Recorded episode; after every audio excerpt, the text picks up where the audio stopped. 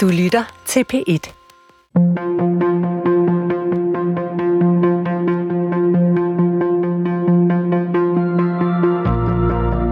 Hvad kan vi bruge en næsten 2.000 år gammel samling tekster til? Kan vi overhovedet forstå os selv, uden at læse Bibelen? Christian Let mener, at Bibelen er verdens vigtigste bog. Lauke Hendriksen læser den for første gang. Og sammen gennemgår de historierne, der stadig former vores bevidsthed og forsøger at finde ud af, hvad de betyder for os i dag. Velkommen til Bibelen Let Fortalt.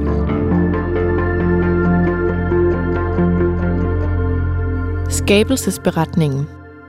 Christian, når du starter som forfatter med at skrive en bog, øh, og her snakker ikke research, men reelt sætter dig foran computeren og skal til at skrive det allerførste ord, er, er det egentlig svært at komme i gang? Altså det er jo sådan den øh, legendariske modstander, det er jo det blanke papir. Det der med at starte op i venstre hjørne. Fordi før man går i gang, så kan der stå hvad som helst. Før man går i gang, så er potentialet uendeligt. Men så snart man går i gang med at skrive noget, så er man allerede ved at begrænse det, der egentlig skal stå. Så det er, det er sådan noget, der ligesom godt kan være meget, meget udfordrende. Jeg plejer at snyde mig selv i gang. Altså jeg plejer at skrive noget, som jeg ikke mener, jeg skal bruge til noget, velvidende, at det nok er det, jeg starter med at bruge. Så, så man ligesom snyder sig selv igen i gang. Så pointen er jo, det er helt klart en udfordring. Det er altid en udfordring at have en idé om et eller andet ind i hovedet, og så, øhm, og så finde ud af, at så snart ordene rammer siden, så er det jo så er det slet ikke lige så fantastisk. men, men det er jo det, vi skal snakke om i dag. Vi skal snakke om de aller, aller første ord, der står i Bibelen.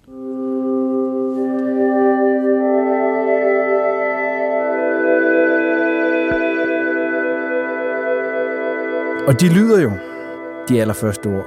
I begyndelsen skabte Gud himlen og jorden. Og det er jo sådan, det starter. Og det starter med, at på seks dage, så skaber Gud lyset, vandet, livet og til sidst mennesket. For så på syvende dagen at holde fri. Det tror jeg ligesom er en meget, meget, meget kort opsummering af skabelsesberetningen. Ja, det er, det er jo den allerførste tekst i Bibelen.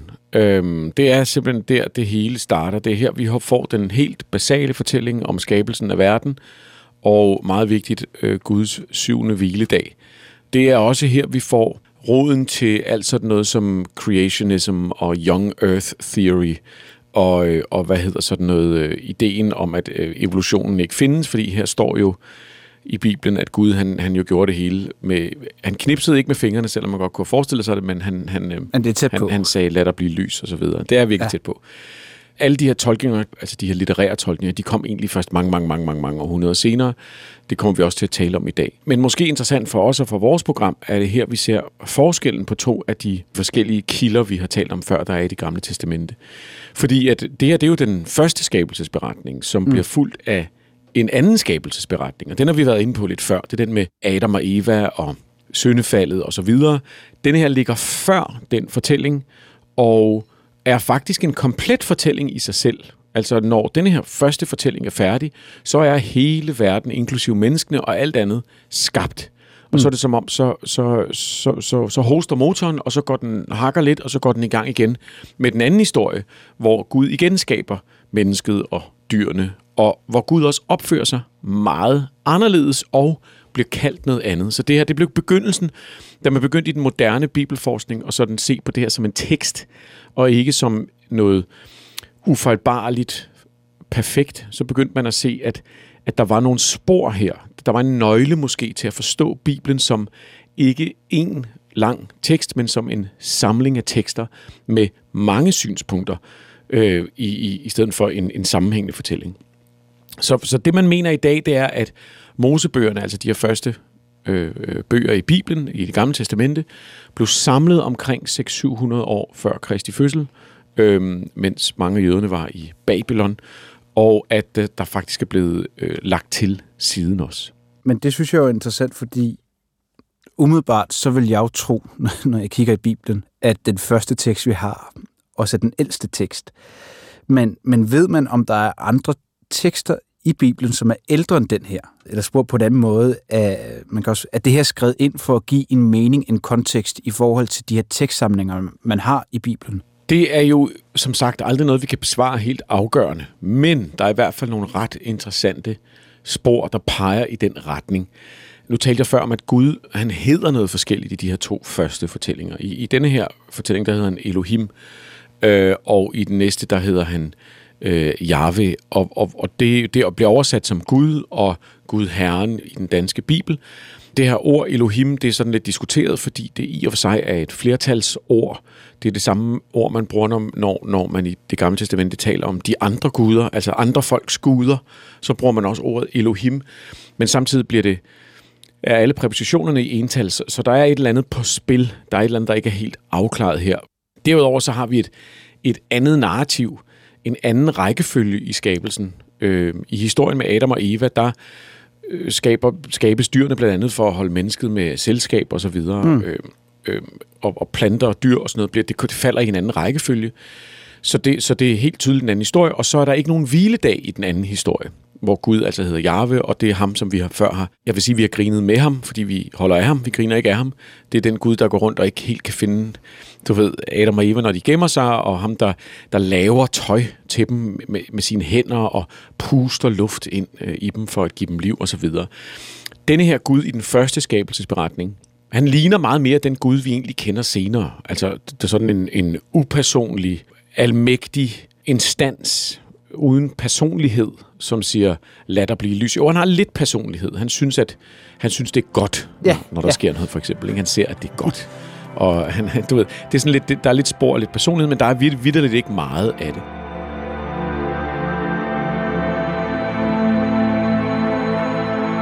Gud sagde, jorden skal frembringe alle slags levende væsener, kvæg, krybdyr og alle slags vilde dyr. Og det skete, Gud skabte alle slags vilde dyr, al slags kvæg og alle slags krybdyr. Gud så, at det var godt.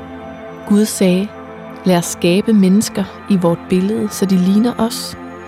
De skal herske over havets fisk, himlens fugle, kvæget og alle de vilde dyr og alle krybdyr, der kryber på jorden.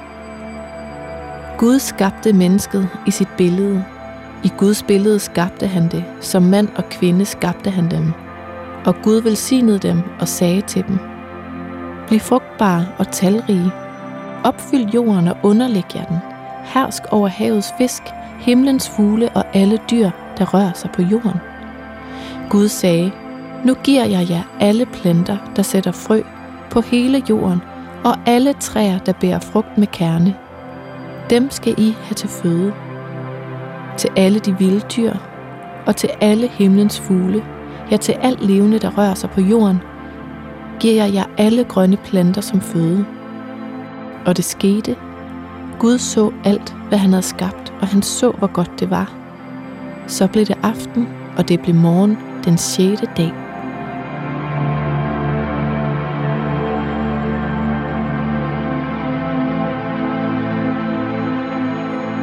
Denne her tekst er meget nøgtern. Den er meget konkret. Og egentlig så tyder det nok på, at den taler til et samfund, hvor der er præster.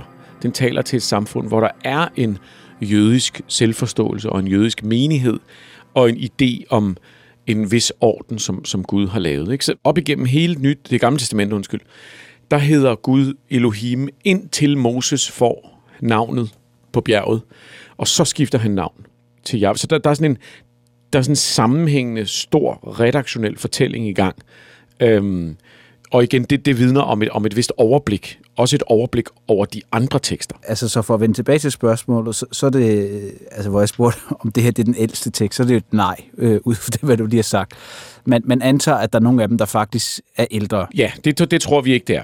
Ja, og vi tror måske, at da, da de blev samlet, de her tekster der i 600-700 år før Kristi fødsel, der er det her nok ikke en af de første, der har været der. Det har mulig, muligvis været en, der har, altså, er, er kommet ind for ligesom at sætte nogle ting på plads, kan man sige. Ja. Det er ikke, fordi der er nogen, der har siddet og tænkt, nu finder vi lige på det. Så enkelt er det ikke, men det tyder på et mere etableret samfund, end de andre historier gør.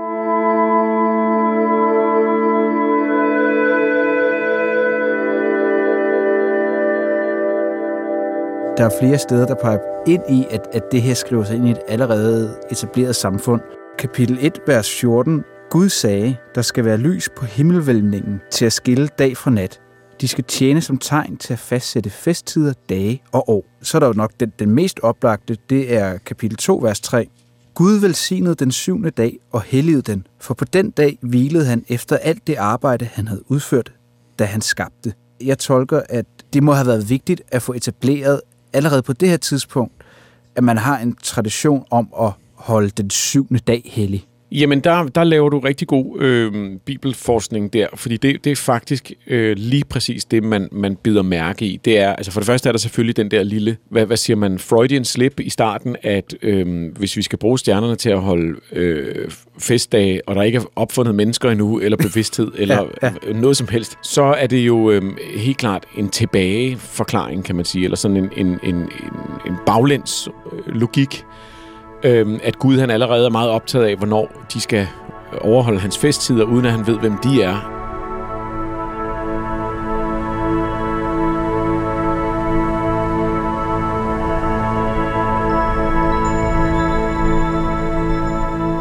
Gud sagde, der skal være lys på himmelvælvingen til at skille dag fra nat. De skal tjene som tegn til at fastsætte festtider, dage og år – og de skal være lys på himmelvælvingen til at oplyse jorden. Og det skete. Gud skabte de to store lys. Det største til at herske om dagen, det mindste til at herske om natten, og stjernerne. Gud satte dem på himmelvælvingen til at oplyse jorden, til at herske om dagen og om natten og til at skille lys fra mørke. Gud så, at det var godt. Så blev det aften, og det blev morgen, fjerde dag.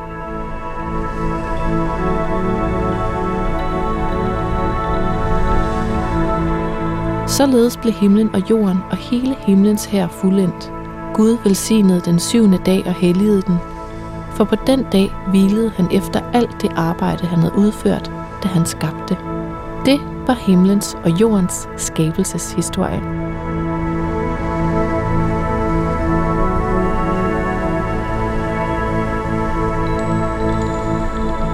Hviledagen er så hellig, mm. at selv Gud overholdt den. Og det er ligesom sådan en argumentation for det.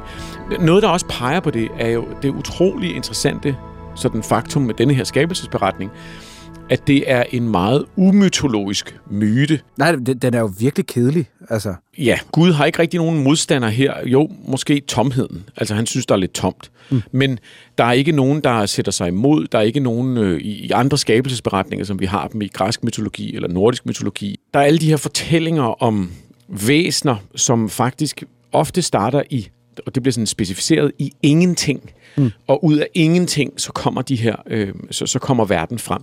Det er der faktisk ikke i den her fortælling. Der er ikke for det første nogen protagonist, som er særlig, som man kan leve sig ind i, fordi Gud kan du ikke leve dig ind i, fordi han er noget andet. Han er bare død. Han er, han er fuldstændig fjern og upersonligt. Der er sjovt nok en tredjepersons fortæller, som vi ikke ved, hvor har været i den her fortælling, som kan fortælle, hvad det var, Gud gjorde. Hvilket egentlig er det mest interessante sådan rent narrativt, at der er en, der kan forklare, hvad det er, Gud gjorde, når, når det Gud gjorde var at, at, at skabe verden. Så det kunne sige, her der har du i og for sig sådan en, en fortælling, som ikke rigtig har en fremdrift, og den har ikke en modstand, den har, det er bare nærmest en opbremsning af det, der skal ske. Og, og så er der det meget interessante, at bliver verden egentlig skabt ud af ingenting i den her? Jamen, det står der ikke. Der står bare, i begyndelsen skabte Gud himlen og jorden. Begyndelsen af hvad? Og hvor, hvor er vi henne? Ja, ja. Hvad er scenen egentlig? Det, det gør de meget ud af i de andre myter, at før det var der ingenting og så videre. Den kristne skabelsesmyte er blevet forstået som, at verden blev skabt, som man siger, ex nihilo, ud af ingenting. Men, og, og det blev man sådan enige om. Det er noget, man diskuterede i, i århundrederne, faktisk sådan, øh, i århundrederne efter Kristi fødsel, og prøve, altså når man skulle prøve at sætte det her ind i en filosofisk sammenhæng. Og der blev man enige om, at det, at det var nok det, der mentes, at der før Gud var ingenting. Men det står der ikke. Og du kan godt høre, det er, det er en fuldstændig accepteret ting i dag, at selvfølgelig så er det her en forklaring om, hvordan verden blev til, øh, øh, men, men i virkeligheden så, så, så er det faktisk lidt uklart. Jeg tror ikke, det er fordi, man skal åbne det op og sige, Gud, var der noget før? Jeg tror, pointen er, det er faktisk ikke forfatterens opdrag. Forfatterens opdrag her er ikke at komme med en fascinerende øh, forførende myte om, hvordan verden blev skabt. Det er i og for sig at, at, at, at netop lave sådan en slags opremsning, sådan så alt er forklaret, og så få den der syvende hviledag slået fast på en eller anden måde. Ikke?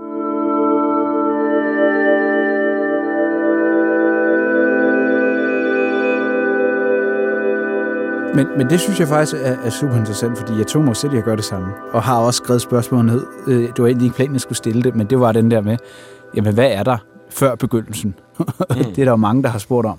Jamen altså, det, det er jo noget, der virkelig blev diskuteret, specielt inde i den, i den jødiske mystik, Kabbalaen, som det hedder, hvor der er sådan en helt utrolig spændende læsning af teksten, hvor teksten, altså hvor man virkelig mente, at Toraen var Guds ord, og at, at hele livet stod i Toraen. Hvis du læser Toraen, der står fortiden og fremtiden og nuet. Hele verden er beskrevet.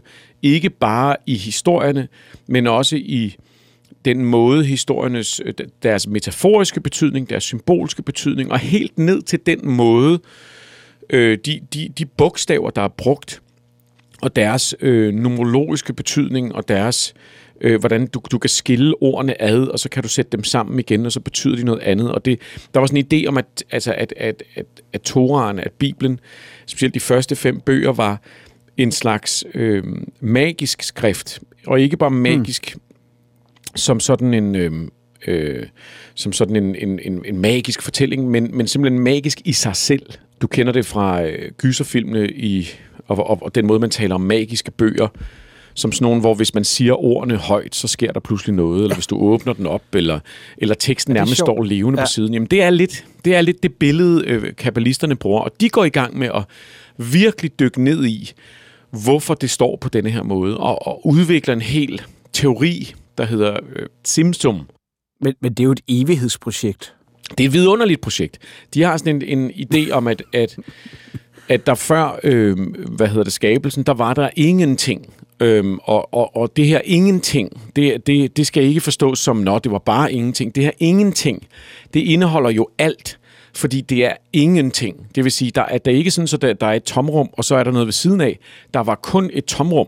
Og så har de sådan en vild idé om, at i det tomrum, der må Gud jo have været. Der må alt have været i det tomrum. Så det er, det er sådan en, en filosofisk kan man sige, koren nærmest, sådan et sendkoren, sådan et, et, et, et umuligt billede af et ingenting, som kan blive til alting. Og der, der prøver man at sige, at det, det Gud faktisk gør, i det der timtum-begreb, det er, at Gud, han er i ingenting, og han fylder alt. Så det, han faktisk gør for overhovedet at give plads til verden, det er, at han trækker sig sammen. Altså forestil dig et hav. Ikke? Så forestil dig, mm. at, at havet trækker sig tilbage for at give plads til noget.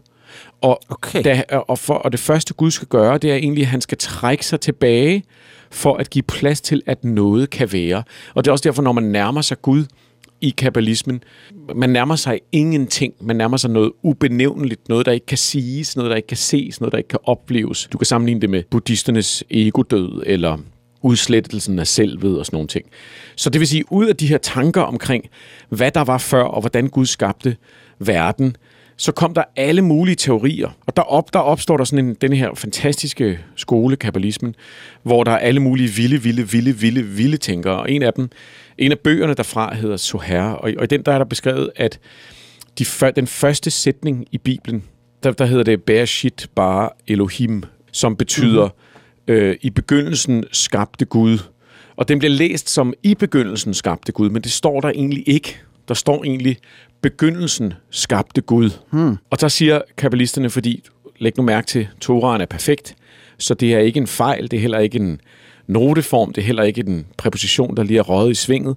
De gentolker den som ikke, at den skal læses som i begyndelsen skabte Gud himlen og, og jorden, men begyndelsen skabte Gud. Der var ikke nogen Gud, før begyndelsen var. Så i virkeligheden så var det begyndelsen, der skabte Gud og himlen og jorden, og så kan du se, så kan du ligesom, det er første sætning, ikke? så kan du gå i gang, gang med resten af Bibelen derfra. Jamen, det er jo der, hvor det kan blive et evighedsprojekt. Altså, så du siger begyndelsen, ikke som et individ, men, men i hvert fald som en aktør i en eller anden forstand. Meget abstrakt ja, lige præcis. aktør. lige præcis. Fordi der er ikke nogen til at være en aktør før det. Mm-hmm. Der er kun ingenting. Og det vil sige, at det første, der skal til for, at der kan komme noget i ingenting, det er, at der skal gøres plads. Og det vil sige, at Guds første handling er faktisk at trække sig tilbage for at skabe øh, noget, og det vil sige, så opstår Gud også. I begyndelsen skabte Gud himlen og jorden. Jorden var dengang tomhed og øde. Der var mørke over urdybet, og Guds ånd svævede over vandene. Gud sagde, der skal være lys, og der blev lys. Gud så, at lyset var godt, og Gud skilte lyset fra mørket. Gud kaldte lyset dag, og mørket kaldte han nat. Så blev det aften, og det blev morgen, første dag. Gud sagde, der skal være en vælving i vandene. Den skal skille vandene, og det skete. Gud skabte vælvingen, som skilte vandet under vælvingen fra vandet over vælvingen. Gud kaldte vælvingen himmel. Så blev det aften, og det blev morgen anden dag. Gud sagde, vandet under himlen skal samle sig på et sted, så det tørre land kommer til syne. Og det skete. Gud kaldte det tørre land jord, og det sted, hvor vandene samlede sig, kaldte han hav. Gud så, at det var godt. Gud sagde, jorden skal grønnes. Planter, der sætter frø og alle slags frugttræer, der bærer frugt med kerne, skal være på jorden. Og det skete. Jorden frembragte grønt, alle slags planter, der sætter frø, og alle slags træer, der bærer frugt med kerne. Gud så, at det var godt. Så blev det aften, og det blev morgen, tredje dag.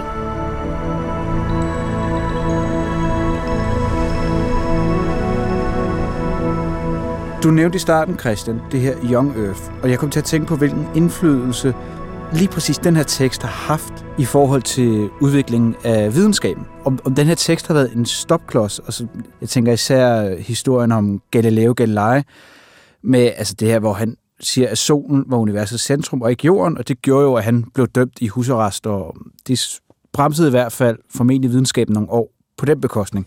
Har den her tekst været en stopklods for udviklingen af videnskaben? Har man brugt passager fra den her tekst? Når man taler om ideen om, at, at jorden er ung og kun er 6.000 år gammel og sådan noget der, så skal man for det første vide, at det var ikke noget, der var nogen, der troede. Det var ikke normalt at gå rundt og tage denne her tekst bogstaveligt. På nær, hvis man var kabbalist, og det blev noget helt andet, det betød. Men, men selv kabbalisterne mente netop, at de seks dage, de var, det var symboler. Det snakker Augustinus om, det snakker alle om. Alle er enige om, at det her det er en symbolsk fortælling. Ideen om at skulle tage det her seriøst som en, naturvidenskabelig forklaring om, hvordan verden hang sammen. Det er noget, der opstår meget, meget senere og ligger lidt som sådan et spor op igennem historien. Det er noget, der er opstået efter, at kirken har følt sig troet af naturvidenskaben, som var ved at finde ud af, hvordan det hele hang sammen, så kom der ligesom sådan en modreaktion, hvor man gik tilbage og sagde, nej, vi skal forstå Bibelen fundamentalistisk.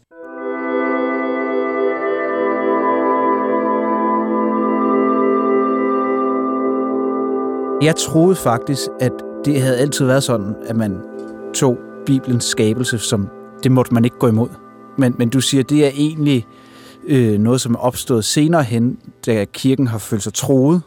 Hvordan er vi nået dertil, at man skal tolke det sådan konkret? Vi har som sagt en fortælling om, at vi engang troede på noget, og så, så var vi dumme, og så blev vi klogere og klogere. Mm. Og, og en af de hovedfortællingerne omkring det, det er netop, at Galileo han røg i husarrest, fordi at, at han sagde noget videnskabeligt korrekt. Men det var ikke normalt for kirken, for det første at mene, at Bibelen skulle forstås bogstaveligt, altså at jorden blev skabt på seks dage og sådan noget der. Det har ikke været tradition, det er ikke noget, der er blevet skrevet om. Altså kirkefædrene har eksplicit skrevet det modsatte, at man bliver nødt til at forstå skabelsesberetningerne øh, filosofisk og poetisk og øh, metaforisk og symbolsk osv. osv. Det er da bare enormt kontraintuitivt i, i forhold til mit billede af kirken i dag. Jamen det er også forkert, det er et forkert billede, og det er et forkert billede, de fleste mennesker har. Det der er, det er, at Galileo og alle de andre videnskabsmænd, der var med til at skubbe vores opfattelse af, hvordan verden hang sammen, de var ansat af kirken. Det var kirken, der lavede skolerne, universiteterne, og det betyder ikke, at kirken ikke har øh, nogen steder fuldstændig modarbejdet øh, visse videnskabelige resultater, de var imod. Men hele ideen om, at kirken har stået som en modstander, er en forenkling. Det er en, det er en, det er en skarp, ahistorisk, mm uinformeret forenkling, som, som passer rigtig godt ind i vores fortælling om os selv, som meget klogere og meget mere rationelle end før. nogle af de, øh, hvad hedder det, største astrofysikere, vi har i, og har haft i løbet af de sidste 100 år, nogle af dem, der har været med til at, at, at definere nogle af de termer, som altså for eksempel sådan noget som universets udvidelse og sådan noget, de var præster også, det var katolske præster, øh, og, og ideen om, at det var to forskellige ting, og at, at, at videnskabsmænd var ateister eller et eller andet, fjollet. Altså en eller anden fortælling om, at, at dem, der, dem, der kunne se på verden videnskabeligt, de samtidig havde en fuldstændig klar idé om, at Gud ikke fandtes eller sådan noget. Den har aldrig givet mening, og den giver heller ikke mening i dag. Det, men det, er, det er sådan lidt sådan en fortælling, man får, når man bor i Danmark, og man har en idé om, at at, øh, at, at vi jo er klogere end alle de andre. Det er jo det, der ligger i det. Der ligger det, at vi, vi er næsten alle sammen ateister, mm. og vi er klogere end de andre, og det vil sige, at det, det at være troende også hænger sammen med, at man må være mindre intelligent, eller i hvert fald mindre uddannet, og ikke rigtig forstå, hvordan verden hænger sammen. Det har blevet formuleret for kirken, hos middelalderkirken, altså at naturvidenskaben, at det, det at lære at kende Guds værk, Guds skaberværk, fordi det er Gud, der har skabt den, jævnfør skabelsesberetningen, at det var at ære Gud. Det, det er klassisk set sådan, naturvidenskab er blevet set. Netop sådan noget som kreationisme og ideen om, at du ved, dinosaurer og mennesker gik rundt sammen og sådan noget der. Det er en lille bitte minoritet af nogle rimelig skøre mennesker, der mener det inden for de forskellige religiøse folkefærd. Grunden til, at jeg tror, at vi synes, det er så spændende, hmm. det er for det første, fordi de i løbet af 90'erne fik reel politisk magt i USA. Når du, når du siger 90'erne, så er vi øh, i 1990? 1990'erne. Så fordi at hele den her nye evangelistiske, højredrejede kristendom, den fik øh, magt, Bush var, var evangelist, og de er netop gået tilbage til sådan en tolkning af det. Og det vil sige, det er også der, hvor at evolutionen begyndte at blive udfordret i amerikanske skoler, og der var alle de her idéer om, jamen, hvad hvis jeg ikke tror på evolutionen? Må jeg så ikke også stadig godt blive undervist i det og sådan noget der? Det er den ene grund til, at vi snakker så meget om det. Den anden ting er, det passer rigtig godt ind i vores selvfortælling. Det passer rigtig godt ind i vores selvfortælling, mm. at religiøse mennesker, de tror, at Gud han knipsede verden øh, til stede for 5.000 år siden, men det har ikke haft en særlig stor betydning før i, i løbet af de sidste par hundrede år.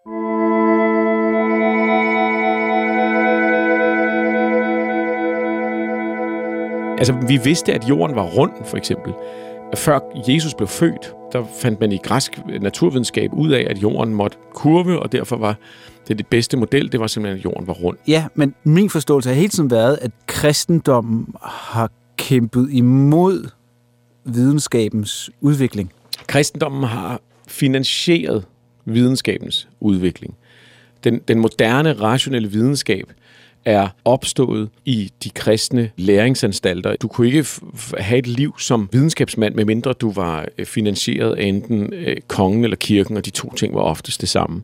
Den giver simpelthen ikke mening, den fortælling. Det er bare sådan endnu en måde, vi kan blive lidt selvtilfredse over vores øh, sekulære samfund på. Altså, så, så det vil sige, at det her er meget mere kompliceret. Så har vi igennem historien haft alle mulige forfærdelige sager, men vi har også haft alt det modsatte.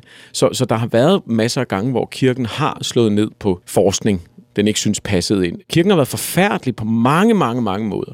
Men ideen om, at videnskaben skulle sådan have opstået i en eller anden form for ateistisk øh, boble, der hele tiden har eksisteret. Det er sådan en fantasi. Det er en ateistisk feberdrøm. Jeg kan meget godt lide, at du starter andet semester af det her program, hvor Christian Net lærer øh, Lauke Hendriksen og prøver at forstå Bibelen med at udfordre øh, ateisterne den her gang. Ja, men det, det synes jeg jo er faktisk en stor del af grunden til, at vi laver det her. Ikke? Det er jo ligesom at, at forstå, at vi alle sammen har myter, og vi alle sammen har fortællinger om, hvordan verden hænger sammen. Og, og, og for at prøve at forstå nogle af dem, der ligger til grund i vores kultur, så er det måske, at vi kan blive bedre til at se dem, vi stadig abonnerer på i dag. Vi er alle sammen til falds for forenklede fortællinger. Og det kan godt være, at vi så kigger på denne her fra Bibelen og tænker, den er godt nok lidt for enkel. Helt ærligt, det er der ikke nogen, der kan tro på.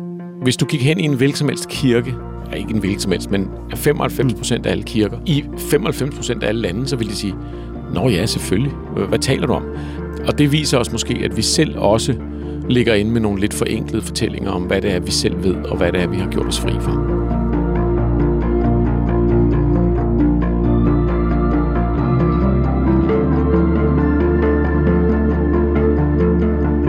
Næste gang skal vi høre om Jesus, der opholder sig 40 dage i ørkenen, hvor han bliver fristet af djævlen. Men hvad betyder det egentlig at blive fristet af djævlen?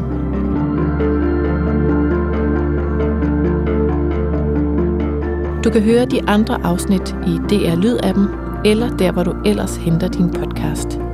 Bibelen Let Fortalt er skrevet og klippet af Christian Let og Lauke Hendriksen for Munk Studios. Hanne Butz Jørgensen er redaktør, og mit navn er Karen Stroop.